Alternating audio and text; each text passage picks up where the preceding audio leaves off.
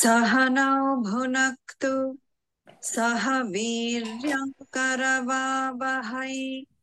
तेजस्विनावधीतमस्तु मा विद्विषावहै। ॐ शान्तिः शान्तिः।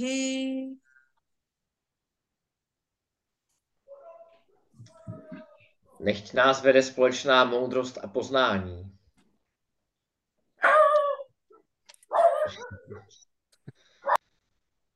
Tak, předávám slovo nikoli Bejskovi, ale Honzovi.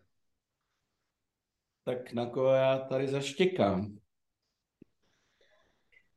A já dneska začnu zkoušet sám sebe, aby to bylo zase trošičku uh, jiný. Taky jsme se nějaký delší čas neviděli, tak si řekneme zase trošku z jiného úhlu, proč pořád omíláme dokola ty hodnoty.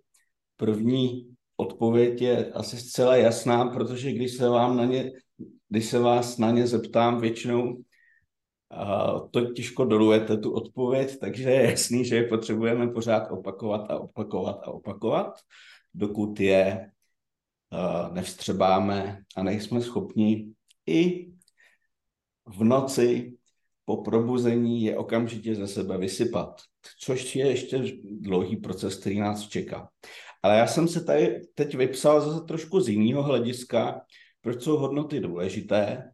Říkali jsme si, že, že máme individuální hledisko a pak máme skupinové a to skupinové hledisko je nové hledisko, ale uh, ty individuální hlediska jsou taky zajímavý, ještě když jdeme trošku do hloubky větší.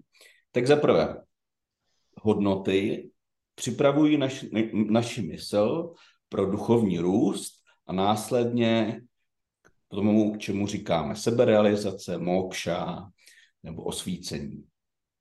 A, takže oni jsou nutné pro přípravu mysli, aby byla a, připravená přijmout duchovní učení a pochopit pravdu o sobě samém.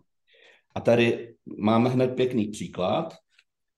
Například bez pokory a otevřené mysli, což je hned hodnota číslo jedna a mánit vám, člověk vlastně není schopen vůbec přijmout učení od Gurova, v našem případě od Petra.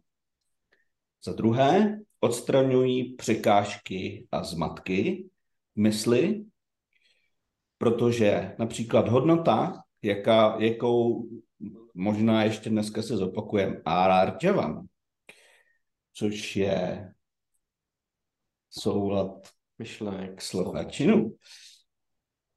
A duševní čistota, šaučám, odstraňují určitou rozpolcenost a zmatky v mysli, které brání jasnému vidění. Minule jsme to slovo vidění si překládali jako vědění. A také nás zbavují negativních emocí, jako je třeba pícha nebo závist. Za třetí, vedou k osobní integritě a sebeúctě.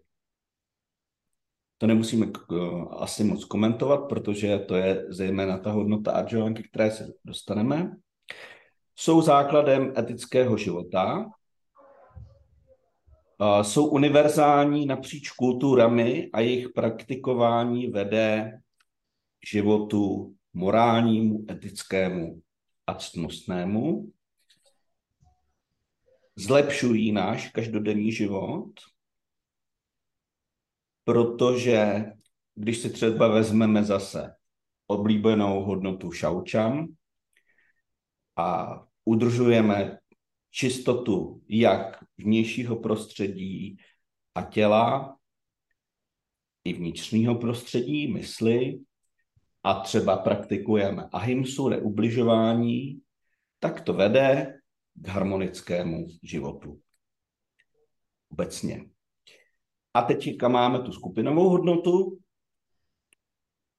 eh, podporují zdravé vztahy a harmonickou společnost. Protože například zase, když jdeme trošku eh, pod povrch, tak hodnota jako ahimsa, nenásilí, neubližování nebo trpělivost, nebo, nebo také chápavé přijímání, jak to překládáme, neboli kšánty a neokázalost nebo prostota, což nazýváme Adam Bhitvam, napomáhají ke zdravým vztahům bez manipulace jako s druhými a zraňování druhým. Takže to redukuje konflikty a podporuje to harmonii v celé společnosti. A harmonická společnost samozřejmě rovná se prosperující společnost. Takže to jsme šli trošku víc do hloubky, proč studujeme hodnoty. Úhelným kamenem je takzvané zlaté pravidlo. Tady vyzvu rovnou Mária, protože je to jeho oblíbené téma, jak zní zlaté pravidlo a můžeš dodat i, uh, jak uh, ho doplňujeme z hlediska Véda. Mm-hmm. Zlaté pravidlo je nečin jiným, jak nechceš, aby činili tobě, neboli v pozitivnu čin jiným, jak chceš, aby činili tobě. A, a protože ne všichni jsme os, stejní a ne všichni ve, stejný, ve stejném kontextu vyžadujeme a očekáváme vlastně eh, od ostatních eh, tu jejich činnost nebo to je chování vůči nám, tak bychom se měli chovat vůči jiným tak, jak si v nejlepším svědomí a vědomí myslíme, že jim to pomáhá. Ano. Já jsem se tady uh, zase to trošku doplním, aby to zase nebylo úplně jednotvárný. Našel, našel jsem si tady určitý text v sanskrtu, nebudu ho tady recitovat, abych, před, abych předváděl, že umím uh, přečíst něco v sanskrtu. Rovnou ho řeknu česky, protože to je docela zajímavý. A, a ten, uh, ta, asi to není úplně mantra, ale je to, je to nějaká šloka nebo cokoliv, jak to, jak to, jak to nazvem, ta říká, neuč tomu, co sám nedodrž, nedodržuješ. Nedodržuješ. Nejprve sám žij podle pravdy, kterou hlásáš, a pak mě poučuj. Což říká, že učitel, které, který hodnoty učí nebo nějaké pravidla učí, by je měl také sám praktikovat a měl by podle nich žít, pokud je chce dál předat. Jinými slovy, neměl by kázat vodu a pít víno, protože by to bylo pokrytecké. Takže zlaté pravidlo, to je určitá aplikace zlatého pravidla z hlediska můžeme říct z hlediska Vedanty, eh, je to nějak, ani nevím, z jaké to textu, to nevadí, ale myslím si, že, že poučení je z toho jasné. Eh, zlaté pravidlo tady v tomhle případě tedy odráží důležitost eh, souladu mezi slovy, činy, myšlením a jednáním, což je zdůrazněno v jaké hodnotě? Arjavam. Tak. A teďka, kolik máme hodin? Ještě máme tak pět minut? Mm-hmm. Tak. Tak zkusíme projet rychle hodnoty, které jsme doposud měli. Takže máme amánetvam. Uh, my jsme se to definovali vždycky opačně, ale můžeme si říct, že to je vlastně nepřítomnost píchy nebo arogance. To je A mánitvam, proto je tam to A. A podstata toho asi je všem jasná. Máme nějaké znalosti, dovednosti, ctnosti a chceme po druhých, aby nás eh, proto oslavovali Uh, ale ten prvotní důvod zatím je sebe nevědomost neboli avidia. To samé se týká té druhé hodnoty, to je Adam Bhitvan. Tu si můžeme vlastně přeložit uh, jako nepřítomnost přetvářky. A znamená to vyhýbat se okázalosti, uh, různým druhům uh, zdobení se, šatům, šperkům a zbytečným věcem, které, které slouží proto, aby jsme imponovali, imponovali druhým. Jinak to znamená uh, život i v prostotě, v podstatě. Prostý a jednoduchý život. Protože sebeúcta neznamená to, jak nás hodnotí druhé, ale znamená to mm, to, že si vlastně uvědomujeme tu svou, svou pravou vlastní podstatu. Pak jsme měli hodnotu. Ahimsa, to řeknu Radkovi, aby nám to tady rychle řekl, si taky odpočinu. Ahimsa znamená neubližovat a neubližujeme slovem, myšlenkou ani činem. A pokud, pokud ubližujeme, tak je to většinou z nevědomosti nebo z rozčílení. Ano, Radek má pochvalu, nemá ani žádnou protekci. Ještě bych tady možná k tomu dodal, jsem se tady vypsal. Samozřejmě asi nejčastěji ubližujeme slovy, prostřednictvím urážek, kritiky, ale zahr- zahrnuje to i lhaní nebo prozrazování soukromých informací. Jak se říká v angličtině gossiping, v češtině je to uh, ani Drby. Jak? Drby. Drby. Jo, drby, no. Takže i drby jsou vlastně ahimsa. Himsa. Je himsa. Ne, ano, nedrby jsou ahimsa. Takže ahimsa vlastně znamená zdrženlivost v mluvení. A pak máme kšánty, ještě jsme teda nevyvolali Danielu a když ji tady máme po té delší době, tak já bych tě teda využil, jak bys nám definovala kšánty, které, které překládáme jako chápavé přijímání. Um, chápavě, klidně, radostně přijímáme uh, veškeré situace, um, chování, osoby, uh, které uh, nemůžeme změnit a um, vlastně se vzdáváme očekávání toho, uh, jak by se měly věci vyvíjet a jak by ten svět kolem nás měl fungovat, tak aby, to, aby se to líbilo nám. Takže mm. se snažíme přijímat všechno jako tak jako kdybychom si to sami vybrali, jako, jako vlastně uh, tak, jak to přichází, pokud se nerozhodneme pro tu změnu, pokud nemáme možnost něco změnit. Jo. A teď je tam ta zvláštní otázka očekávání. V jaký, v, jaké, v jaký fázi to očekávání je správné a v jaký fázi už ne? Měl bys to říct. Nebo někdo. Jedno. Že vím, že jsme se o tom bavili. Nevadí? Snížit očekávání úplně na minimum. Jo. Ve všech případech. Ano.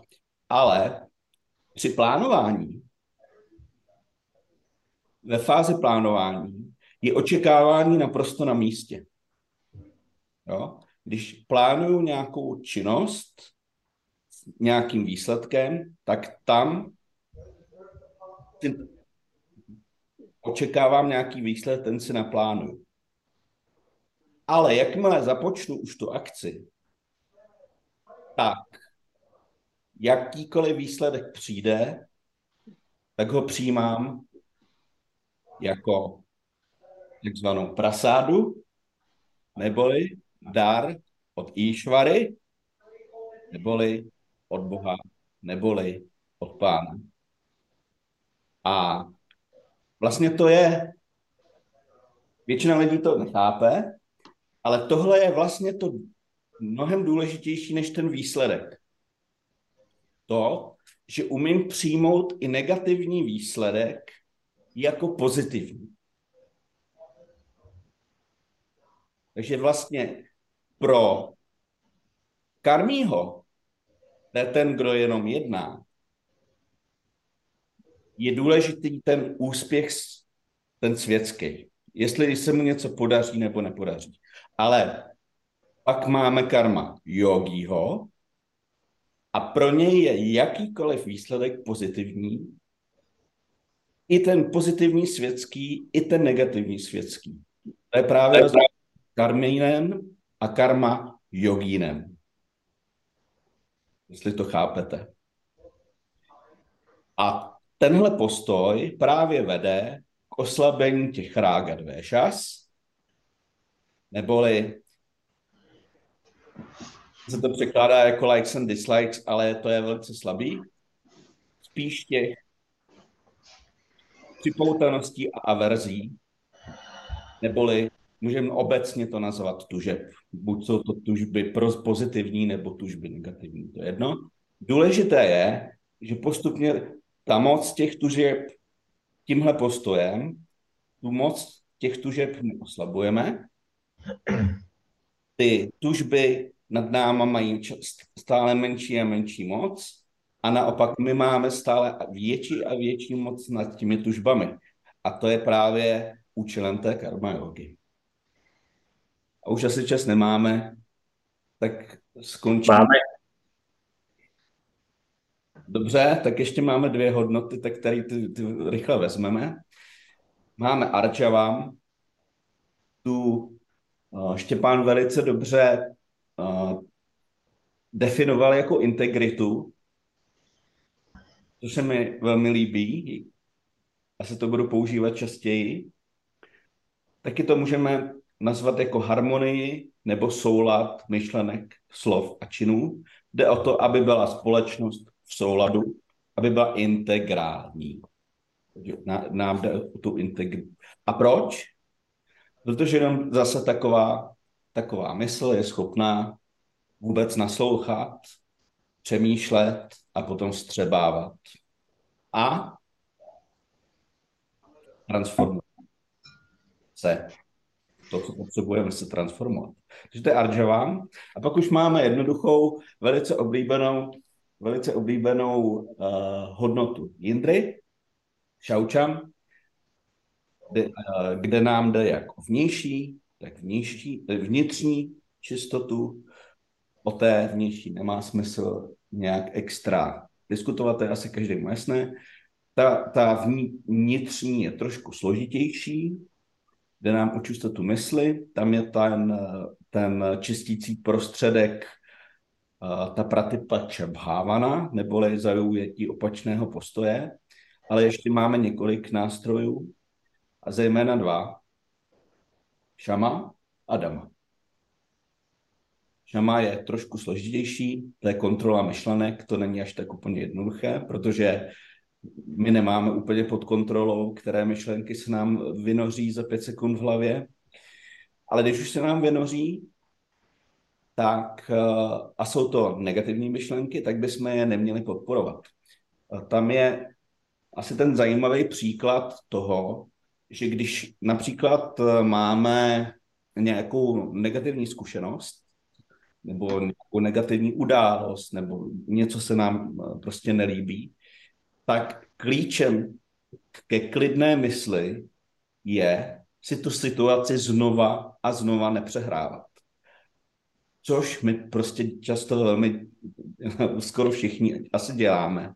A je potřeba si uvědomit a nedělat to, protože tím akorát podporujeme tyhle ty špatné a negativní myšlenky a tím zeslabujeme naši schopnost šamy. A pak je dama. Dama je kontrola smyslových orgánů. Radek mi minule připomenul, že dama zahrnuje i to, co do sebe Co konzumujeme. tak dáváme prostřednictvím, prostřednictvím jídla a pití. Protože jak uh, nám jednou za několik let, až to, až to budeme probírat, bude Bhagavad Gita říkat, že, jsou, že existuje i také satvická, rajasická, po případě tamasická strava. A tímto bych to teda pro dnešek ukončil. Bylo to trošku zavrubnější, bylo to trošku zase něco jiného. Doufám, že vám to něco dalo. A teď už můžeme zase za naším panem Černým, za panem Kršnou a jeho žákem Arjun.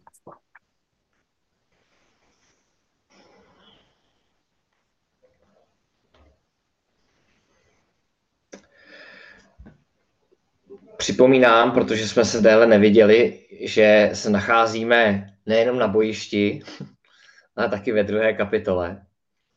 Ve druhé kapitole Bhagavad Gita, která se jmenuje Sankhya Yoga. A, a konkrétně v té klíčové části druhé kapitoly, která se zabývá uh, filozofií, respektive nejvyšší filozofií, protože Kršna zde hovoří o Atma, o pravé podstatě každého z nás. A ukazuje nám, jak se Atma liší od anátma, respektive jak se Atma liší od našeho těla, mysli a intelektu, případně jednodušeji těla a našich myšlenek. A Kršna už nám ukázal,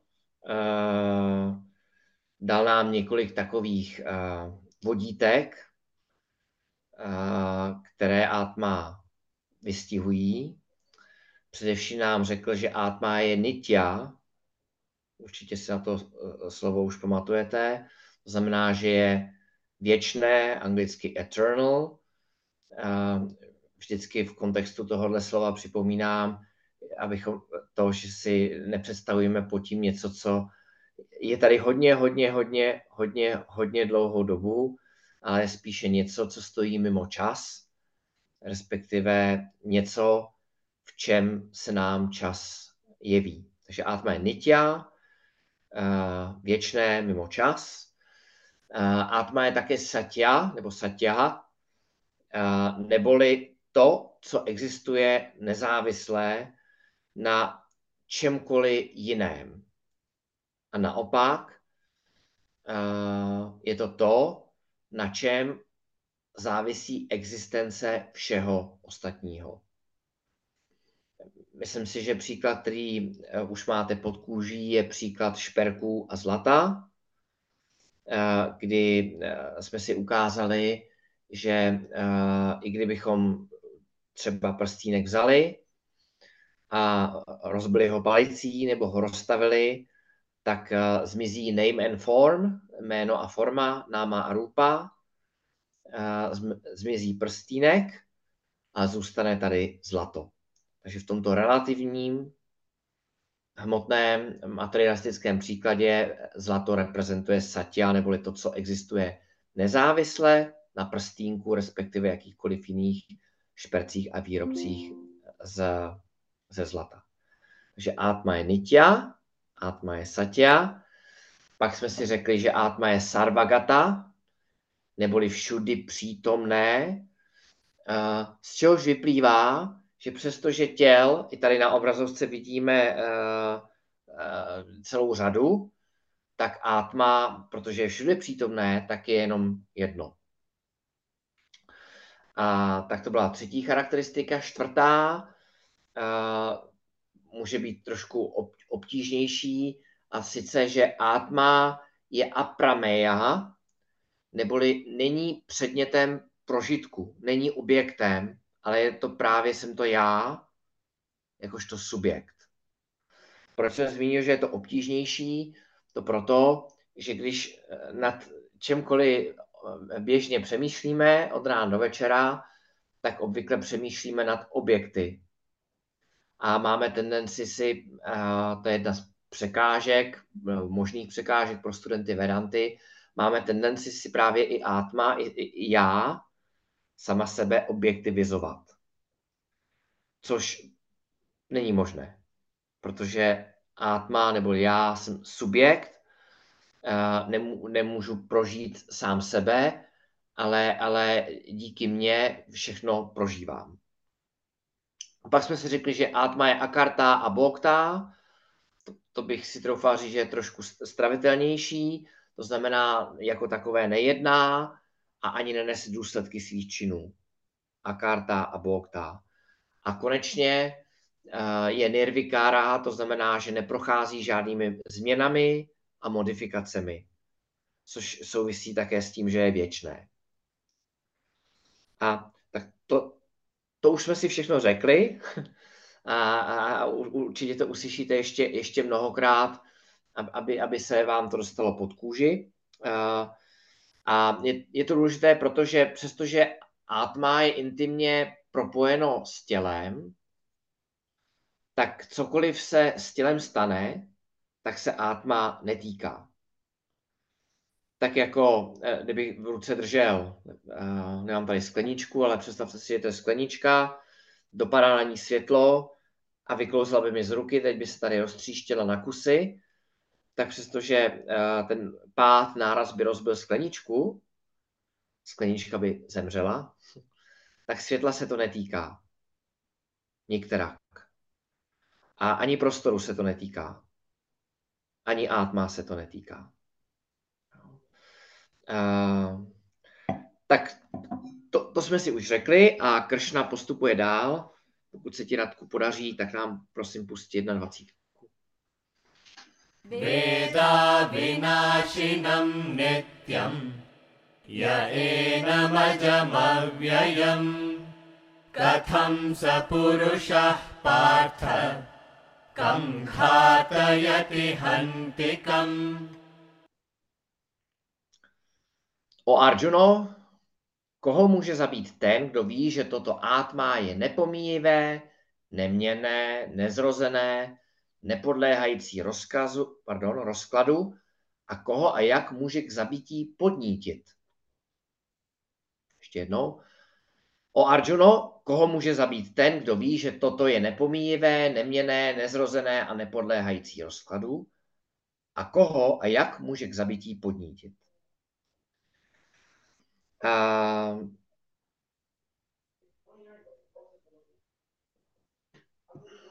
naším hlavním cílem, jakožto lidí, studentů, kteří hledáme pravdu, je naučit se rozpoznat a oddělit tělo od átma, možná v prvním kroku, případně tělo, mysl a intelekt od átma. A ve druhém kroku ujasnit se, ujasnit si, co jsem skutečně zač. A pak k tomu se za chvilku dostaneme, si to uvlastnit takovým způsobem, prostřednictvím nidyasanám, aby toto poznání, toto vidění, vracím se ke slovu vidění, které jsme používali na minulé hodině, mít kdykoliv k dispozici. V každé situaci tak jak uh, Honza s Radkem si ťukli v úvodu, i když se v noci, v noci probudíme uh, a uh, okamžitě vědět, jak se věci mají. A to znamená, že tenhle ten verš se točí kolem toho, že átma je nezničitelné, je nezrozené, nerozkládající se, zkrátka je věčné. A jde o to pochopit, že toto átma není nedílnou součástí těla. To znamená, že nezávisí na těle. Možná si vzpomenete, že jsme si říkali, že átma není ani produkt, ani vlastnost, uh, ani, pomož mi Honzo, produkt, vlastnost um, těla. Já si vzpomenu na ten třetí, třetí aspekt uh, za chviličku. Jo. Uh, to znamená, átma na těle Součást. No, součást, ano. A átma na těle žádným způsobem nezávisí. To je ten první krok, což vzhledem k tomu, co už máme odstudováno, není tak těžké. A, a následně si ujasnit, co jsem skutečně já, protože než přijdeme k Vedantě, tak si všichni, nebo téměř všichni, hlásíme nahlas a, a hlavně v duchu, nahlas není až tak podstatný, v zásadě k našemu fyzickému tělu, případně k fyzickému tělu a mysli. Ale ve skutečnosti tělo, a myslím, že když se tady rozhledeme kolem s výjimkou Daniely, tak jsme rozpadající se hmota. v zásadě rozpad, decaying anglicky to říká, zní tak jako drsně, ale, ale cílem je, aby jsme se trošku probudili taky. Je, je to v zásadě rozkládající se hmota. A jde o to uh, přestat se hlásit k této rozpadající se hmotě a pevně si uvědomit, že ve skutečnosti jsme vědomí. A, a tenhle ten posun od hmoty k vědomí chce čas. To znamená, že k, téhleté, k tomu slouží eh, tyhle ty verše, je potřeba se k ním opakovaně vracet, uh, sednout si bez telefonu, bez, bez kamarádů, bez počítače a, a kouknout se a říct si, hele, to, tohle, tohle ve skutečnosti nejsem já. To je jenom, to je jenom hmota, kterou používám k nějakým transakcím tady se světem a s jinými bytostmi. A, a tahle ta hmota může uh, kdykoliv, nebo tělo může kdykoliv uh, zemřít, podobně jako uh, uh, určitě jste viděli, možná jste to viděli na vlastní oči nebo, nebo ve filmech, tak jako se odlupují kusy ledovců v Grónsku a jinde, neustále padají do vody, tak ta, ten ledovec vypůjčil vodu, ale kdykoliv se může odloupnout a spadnout zpátky do moře. To znamená, že naše tělo se kdykoliv bez varování může vrátit mezi panča, bůtas, těch pět základních elementů. Prach si a v prach se obrátíš. Možná by bylo dobrý dodat, prach ve skutečnosti nejsi, to my víme, ale tvé tělo je prach a v prach se obrátí. A mimochodem, já jsem to eh, teď minulý týden zažil dvakrát. Uh, uh, tatínek uh, našeho dobrýho kamaráda, syna, si šel zaběhat a zemřel. Najednou byl pryč, 46 letý. A, a, a v Ramzau, kam víte, že jezdíme, bratr naší dobrý kamarádky, lezl tam, kam lezl už mnohokrát, na Daštajn, někomu se vyhýbal, na velikonoční pondělí spadnul a, a, a tělo bylo pryč.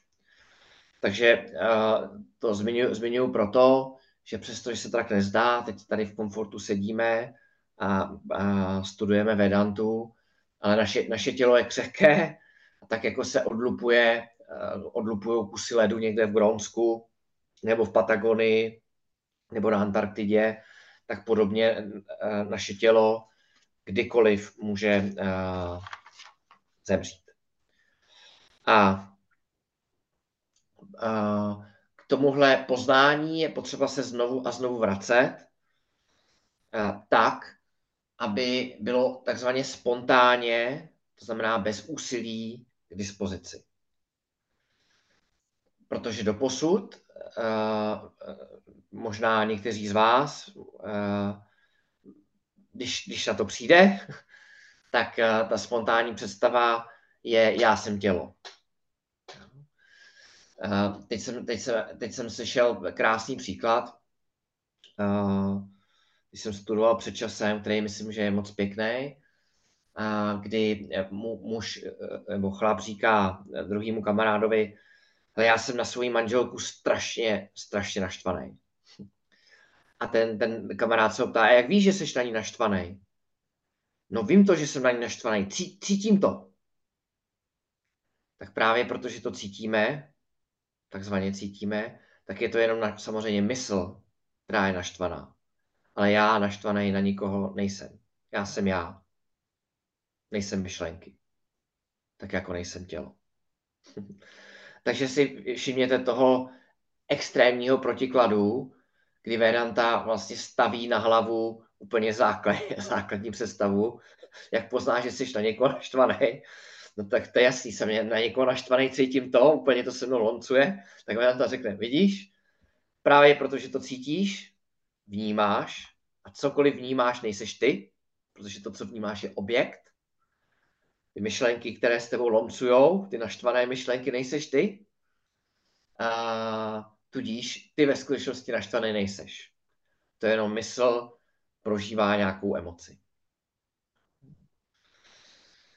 Tak a, a, a v tomto verši je taková drobnost, uh, kdy, kdy de facto ten verš počítá s oběma variantami, počítá i s, s tím, že ten někdo přímo koná, přímo jedná, tady v tom případě bojuje nebo zabíjí uh, protivníka, ale případně počítá i s tím druhým uh, scénářem, že, že de facto přemluví někoho nebo někomu nařídí nebo někoho přesvědčí, aby někoho zabil. To znamená, jedná prostřednictvím někoho jiného. Jsou proto v sanskrtu dvě slova. Ten první je uh, karta a to druhé slovo je, myslím, karajita, ale to, to pro nás není úplně klíčový. Každopádně pointa je ta, že átma nejedná ani jako takové napřímo, ani prostřednictvím ně, někoho dalšího. Není ani karta, ani karajita. Honzo? No my máme v tom trestním právu máme pachatele a pak máme i organizátora, ne? Je to, je to v zásadě skoro právní termín. No. No, no. Organizátor je ten, co podněcuje. Ano. Připomínám, že v, kontext, v kontextu uh, podněcovatel, vidíš, hezký český slovo, v kontextu uh, Bhagavad Gita samozřejmě zabíjení uh, neberme doslova, zabíjení představuje jakoukoliv činnost, neboť se nacházíme na bojišti. Mohli bychom si tam napsat vaření, okopávání zahrádky, případně cokoliv dalšího. Uh, takže Atma nejedná, ani nikoho nepodněcuje k tomu, aby jednalo.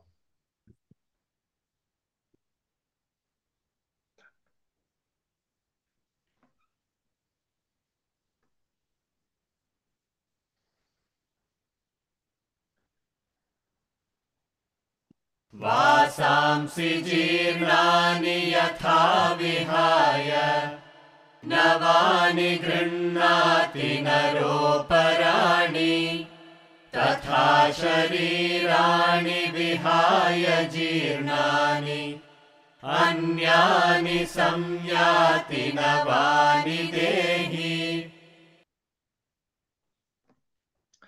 Tohle je slavný verš. Jeho tém, tématem je zrození a smrt. A říká, stejně jako se člověk vzdává obnošených šatů a obléká si jiné, nové, tak i toto átma se vzdává obnošených těl a získává jiná, nová. Tady, tady se používá slovo, je to poslední slovo v, v, v sanskrtu, který vidíte, dehy. Uh, Honzo, ještě tak mě oprav, mám pocit, že doslovný význam je obyvatel těla. Obyvatel těla, no, protože DH je jiný výraz pro tělo, jak druhý výraz je šaríra. Tak, ale, ale myslí se tí, ten, kdo je v těle, v tomto případě se myslí átma. Ano, A... akorát samozřejmě ono to je átma, ale ve skutečnosti je to jemné tělo co, co si vlastně jako obléká ty nové šaty.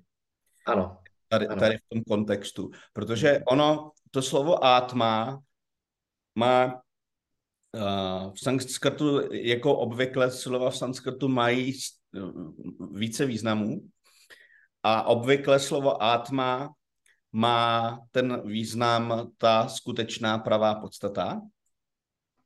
Ale tady by se to átma dalo přeložit spíš jako, jako sukšma šalíra, neboli jemné tělo. Ano.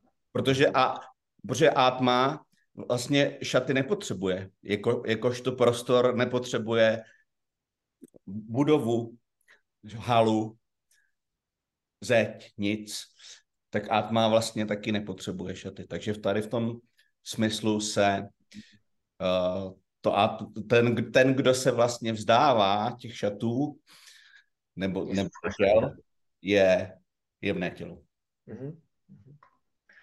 Takže podobně jako šaty používáme po jistou dobu, buď po dobu, kdy plní svou funkci, nebo do té doby, dokud se nám ještě líbí. Máme pocit, že v nich takzvaně vypadáme dobře a pak je vyměníme. A obvykle, když si pořídíme nové šaty a ty staré dáme pryč, případně někomu dáme, tak, tak z toho máme radost. A podobně je tady použitá ta metafora uh, v tom smyslu, že naše jemné tělo po určité, po určité době opustí hrubé tělo, to znamená sukšma šaríram, zůstává, opustí stůla šaríram a po nějaké době si vybere tělo nové. Když si vzpomenete na, na to, jak jsme studovali Tatva Bodhu, a říkali jsme si to určitě i v úvodu do Vedanty, tak Vedanta rozlišuje tělo uh, hrubé, tělo jemné a dokonce tělo příčinné a samozřejmě átma. A v případě smrti, uh, tak smrt, tak jak, když se na ní zamyslíme, tak se, tak se týká pouze toho těla hrubého. Protože eh, jemné tělo na sebe vezme jiné tělo, což nemusí být nutně lidské tělo, může to být i jiné tělo. Takže jemné tělo zůstává, příčinné tělo zůstává a átma, protože stojí mimo čas, tak átma je. A můžete namítnout, dobře, ale, ale to jemné tělo, tuším, že má čtyři komponenty, možná mysl, intelekt, ego, paměť, jestli se pamatuju dobře. Ale, ale my se na něj můžeme dívat jednoduše, jako na mysl v širokém smyslu slova. Tak uh, to jemné tělo ve skutečnosti není vidět. Vy nevidíte mou mysl. a, a, ale, ale to, že, to, že uh, něco není vidět nebo něco nevní, není vnímatelné, tak to ještě neznamená, že to neexistuje.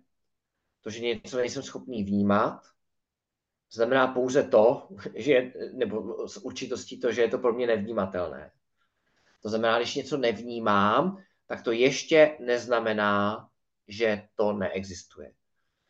A, a podle Vedanty po smrti to jemné tělo, neboli sukšma šaríram, sukšma znamená jemný, šaríram znamená tělo, cestuje podle zákona karmy.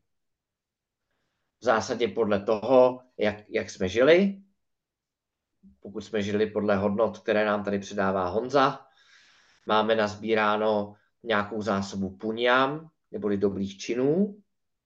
Připomínám, že Vedanta pod činy myslí samozřejmě i naše myšlenky, slova, i ty fyzické činy, tak, tak podle toho, e, jakou máme balanci puňam a pápám, tak na základě toho získává to jemné tělo další hrubé tělo a v příslušné, jak to česky říci, a sanskrit proto má slovo loka. Sféře, je to svět, no ale dalo by se to přeložit jo. jako sféra. Tak. Jo, ale v zásadě uh, to, to je takový detail, který pro nás není klíčový. Zkrátka po smrti jemné tělo zůstává, řečeno s Vedantou cestuje A Atma samozřejmě nikam necestuje, protože je sarva, sarvagata, neboli všudy přítomné. A, a ten, uh, ten déhy, jemné tělo, i po smrti zůstává. Takže to, co my vidíme tady, že těla se objevují a mizí, lidé přicházejí a odcházejí, a, a, ale Atma zůstává, jemné, jemné tělo si bere jiné tělo.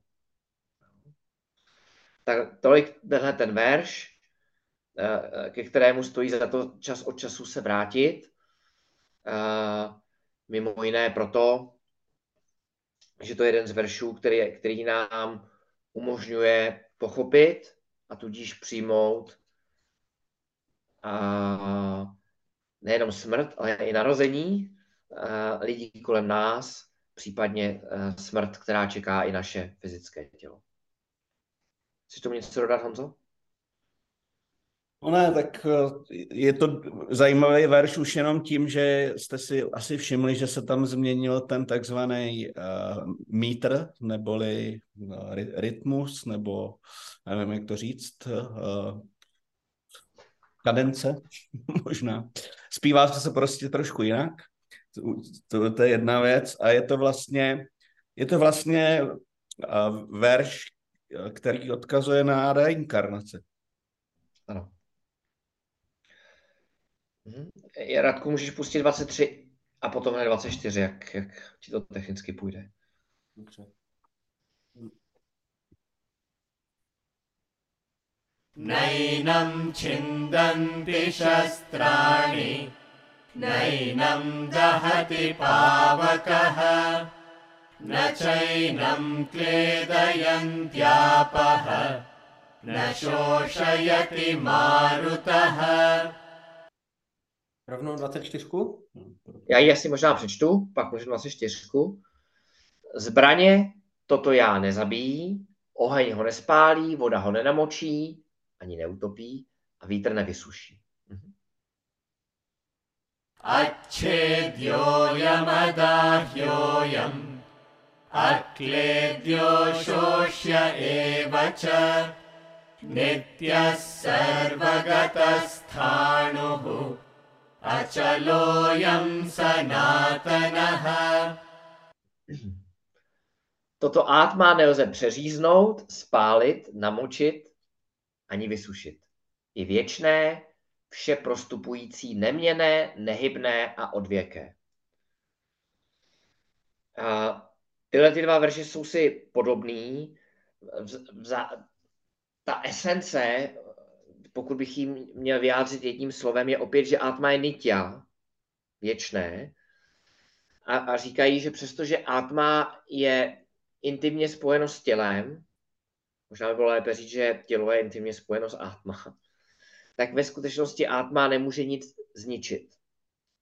Zatímco tělo, míněno hrubé tělo, stůla, šaríram, to fyzické tělo, tak jak ho znáte, je ovlivňováno vším, vším kolem nás. Dneska je horko, někdo z vás má možná hlad, nebo žízeň, nebo je unavený, tak dále. A Kršna říká v těchto dvou verších, že čtyři z pěti elementů mají na tělo vliv, ale nemají vliv na átma.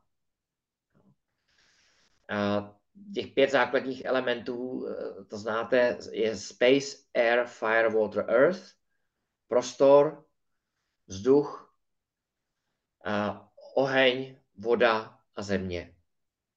Takže ty čtyři s výjimkou prostoru mají na uh, fyzické tělo vliv.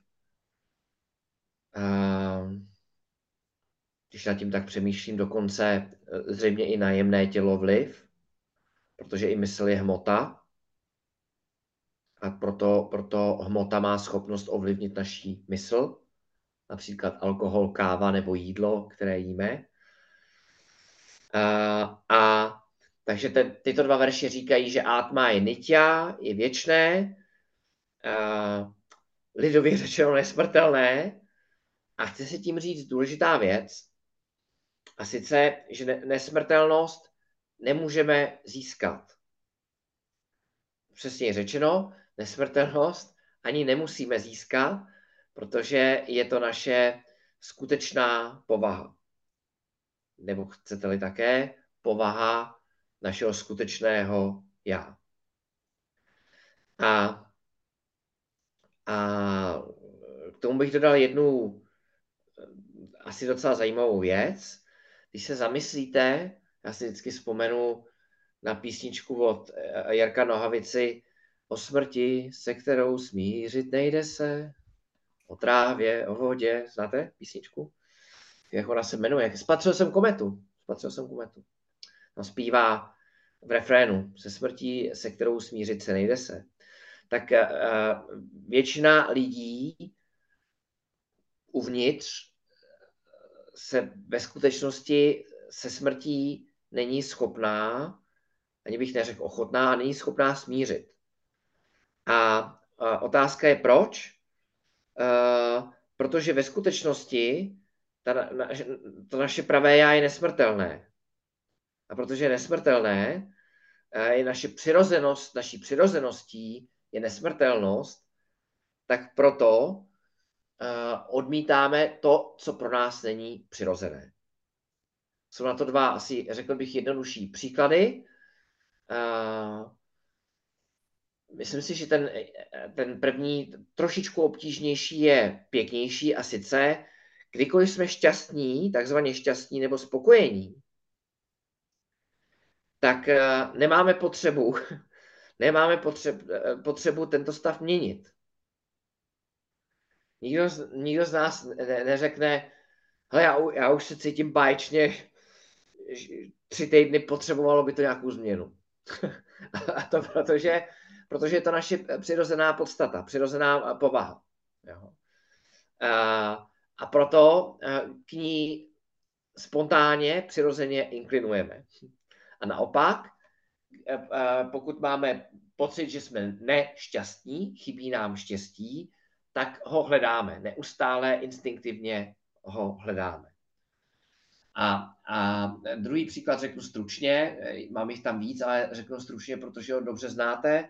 A to je slavný Svámenžího příklad s pružinou. Určitě jste to viděli moc krát.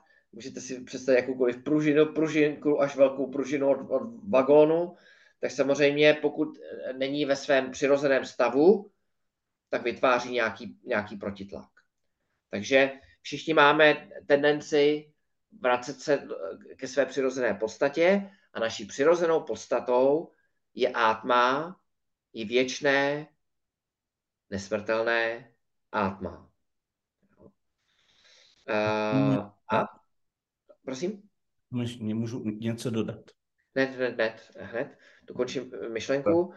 A, a proto a, a, lidé nejsou připraveni smířit se se smrtí. Honzo. No, já jsem jenom chtěl k těm příkladům. Oni jsou totiž super. Ten první příklad zcela jasně uh, říká to, že vlastně ten Atman nebo taky Brahman se definuje jako Sačit Ananda. A Ananda je vlastně synonymum pro to Sačit. Takže ta naše přirozenost je opravdu to, to štěstí a proto jakýkoliv neštěstí, pro, proto nejsme šťastní, když jsme nešťastní. Kdyby jsme byli šťastní, kdyby jsme byli nešťastní, tak by naší přirozeností bylo neštěstí. Ale protože jsme šťastní, když jsme šťastní, tak je naší přirozeností to štěstí. Ale k tomu druhému příkladu, ten je taky super, akorát je k němu potřebovat co si dodat. On trošku implikuje, že jsme ve stavu, kdy jsme nešťastní. Tam dávám tu pomlčku nešťastní. Ale my ve skutečnosti nejsme nešťastní, protože jsme to pravé já a to pravé já je vždy šťastné. Takže my se nepotřebujeme dostávat do nějakého stavu. Ta pružina je lehce zavádějící v tom, že potřebujeme do nějakého stavu dostat. My v tom stavu jsme, my jenom potřebujeme vědět a být o tom naprosto pevně přesvědčení, že v tom stavu jsme. My se, tam je důležitý, že se do žádného stavu nepotřebujeme dostávat. To jenom tak na to doplním. Mhm, děkuju. Mhm. A pak ten verš, po, uh, respektive oba dva, ještě zmiňují další uh, mm, aspekty, které se všechny točí okolo toho, že uh, Atma je nitya, takže se tady zmiňuje, že z- z- Honzo, ty jsou stanu, neměné, asi stanu, No, stánu. No. jo, je Achala, uh, protože Čala. je všudy přítomné, tak je bez pohybu, jo, a, a, a nemůže, protože něco, co je všude přítomné, se nemůže pohybovat z místa na místo. A pak se taky eh, tady zmiňuje, že Atma je sanátana, což je No. takový hezký termín. A, a, znamená to vždy čerstvé, navždy čerstvé. A proto se taky hinduismu, potažmo Vedantě, říká sanátana dharma. Protože, jak víte, tak první část Véd se zabývá náboženstvím, tím, jak žít, a ta druhá část Véd, kterou studujeme my, neboli Véda Anta, se zabývá filozofií. A obě, obě ty, tyto části uh, jsou sanátana, protože jsou vždycky čerstvé. Protože pokud uh, před pěti tisíci lety byla hodnota ahimsa, které jsme se dneska dotkli, Radek ji schrnul, tak dnes je hodnota, uh, klíčová hodnota ahimsa a i za pár set let bude klíčová hodnota ahimsa například. Honzo. No to byl totiž uh, překladatelský oříšek, protože ono se to dá předložit jako uh, věčné. Věko věč, sanátana dharma, to je věčné principy, odvěk, odvěk. A proto, aby tam bylo dvakrát věčné, jsem použil slovo pro sanátana, jsem použil slovo odvěke. Proto je tam to na konci to odvěke. Že, s- to znamená, že dalo by se říct, že jsou vždy platné byly vždy platné, budou platné, jsou platné. Je to vlastně synonymum slova věčné, ale aby tam nebylo dvakrát slova věčné, tak proto je tam na, kon, na, na konci použito slovo odvěké, což je taky jeden z významů slova sanátana. Perfektně. Takže dharma se nemění, Véda eh, platí, a což mimochodem, když si uvědomíte, nevím, nevím, jak to cítíte vy, pro mě to bylo vždycky hrozně atraktivní. Protože jsem si říkal, že pokud studuju tohle, tak za 40 let, za 50 let to bude pořád platit, bez výjimky. A, a jak asi s vámi někoho citoval, tuším, že to nebude jeho citát, říkal, read not times, read the eternities. Uh, nečtěte, dneska bychom řekli asi zpravodajské weby, a čtěte písmo. Lenky. read not times, read the eternities, protože ty jsou sanátana darma. Pojďme na 25. Avyakto yam achintyo yam Avikaryo yam Avyaktoyamachintyoyam Tasma devam viditvainam ನಾನು ಶೋಚಿತು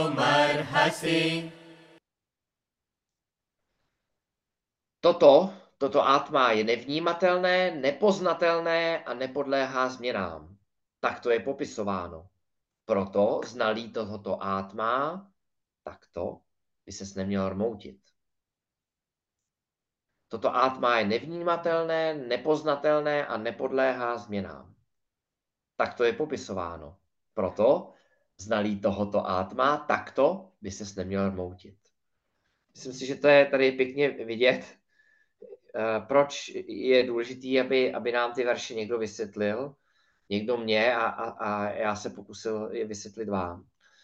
Uh, mimochodem, tady se uzavírá logicky jeden celek, protože, uh, jestli si ještě vzpomenete, tak ve verši 11 uh, Kršna Arjunovi říkal, že moudří lidé nesmutní. Jinými slovy, jinými slovy, říká, že ten, kdo smutní, tak není moudrý. A, a tady se k tomu té myšlence vrací a říká v závěru tohohle verše, této sloky, Arjuno, neměl bys smutnět. A, a tenhle verš je vlastně závěrečný verš této části, diskutuje povahu Atma a když tak tam ještě Honzo, no, Radku, prosím, vrať.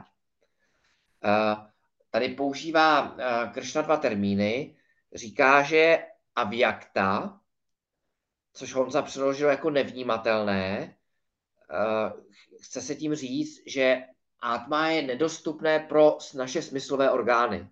Nemůžeme ho ochutnat, cítit, vidět a tak dále.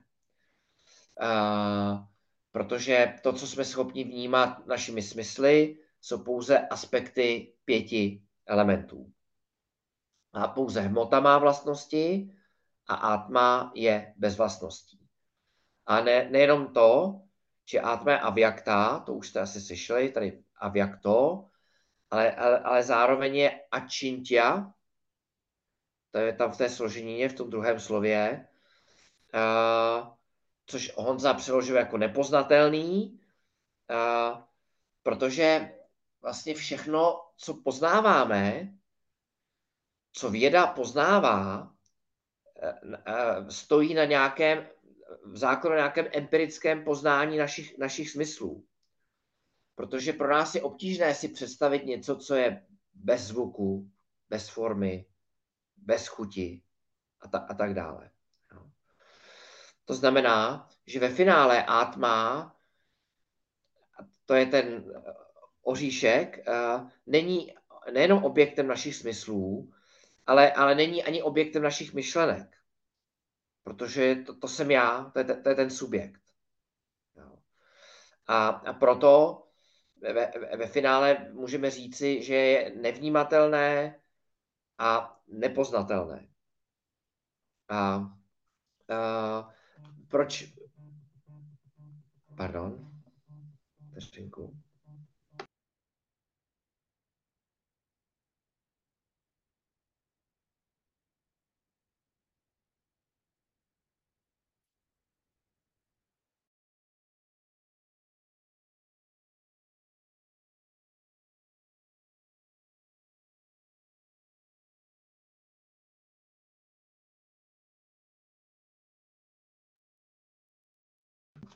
Vteřinku, prosím.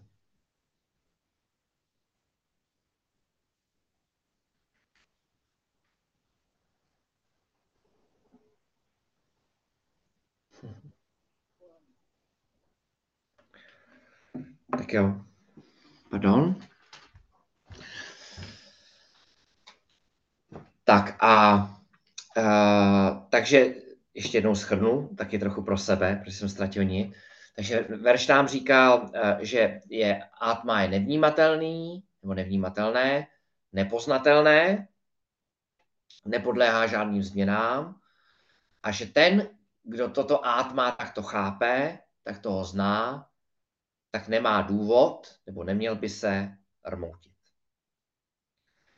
Protože uh, smutek je důsledkem nevědomosti a jediným lékem na nevědomost, jak dobře víme, je poznání.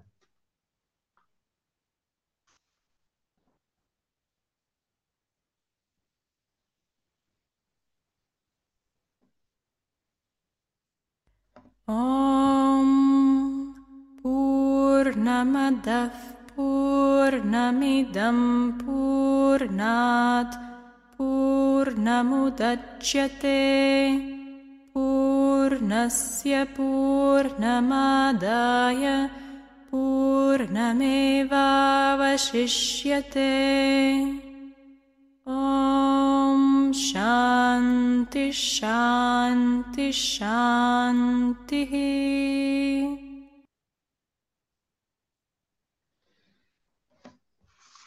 Hezký večer. Hezký večer. Ahoj, hezký večer a děkuji. Ahoj, taky děkuju. Ahoj, děkuji Ahoj, hezký večer. Mario.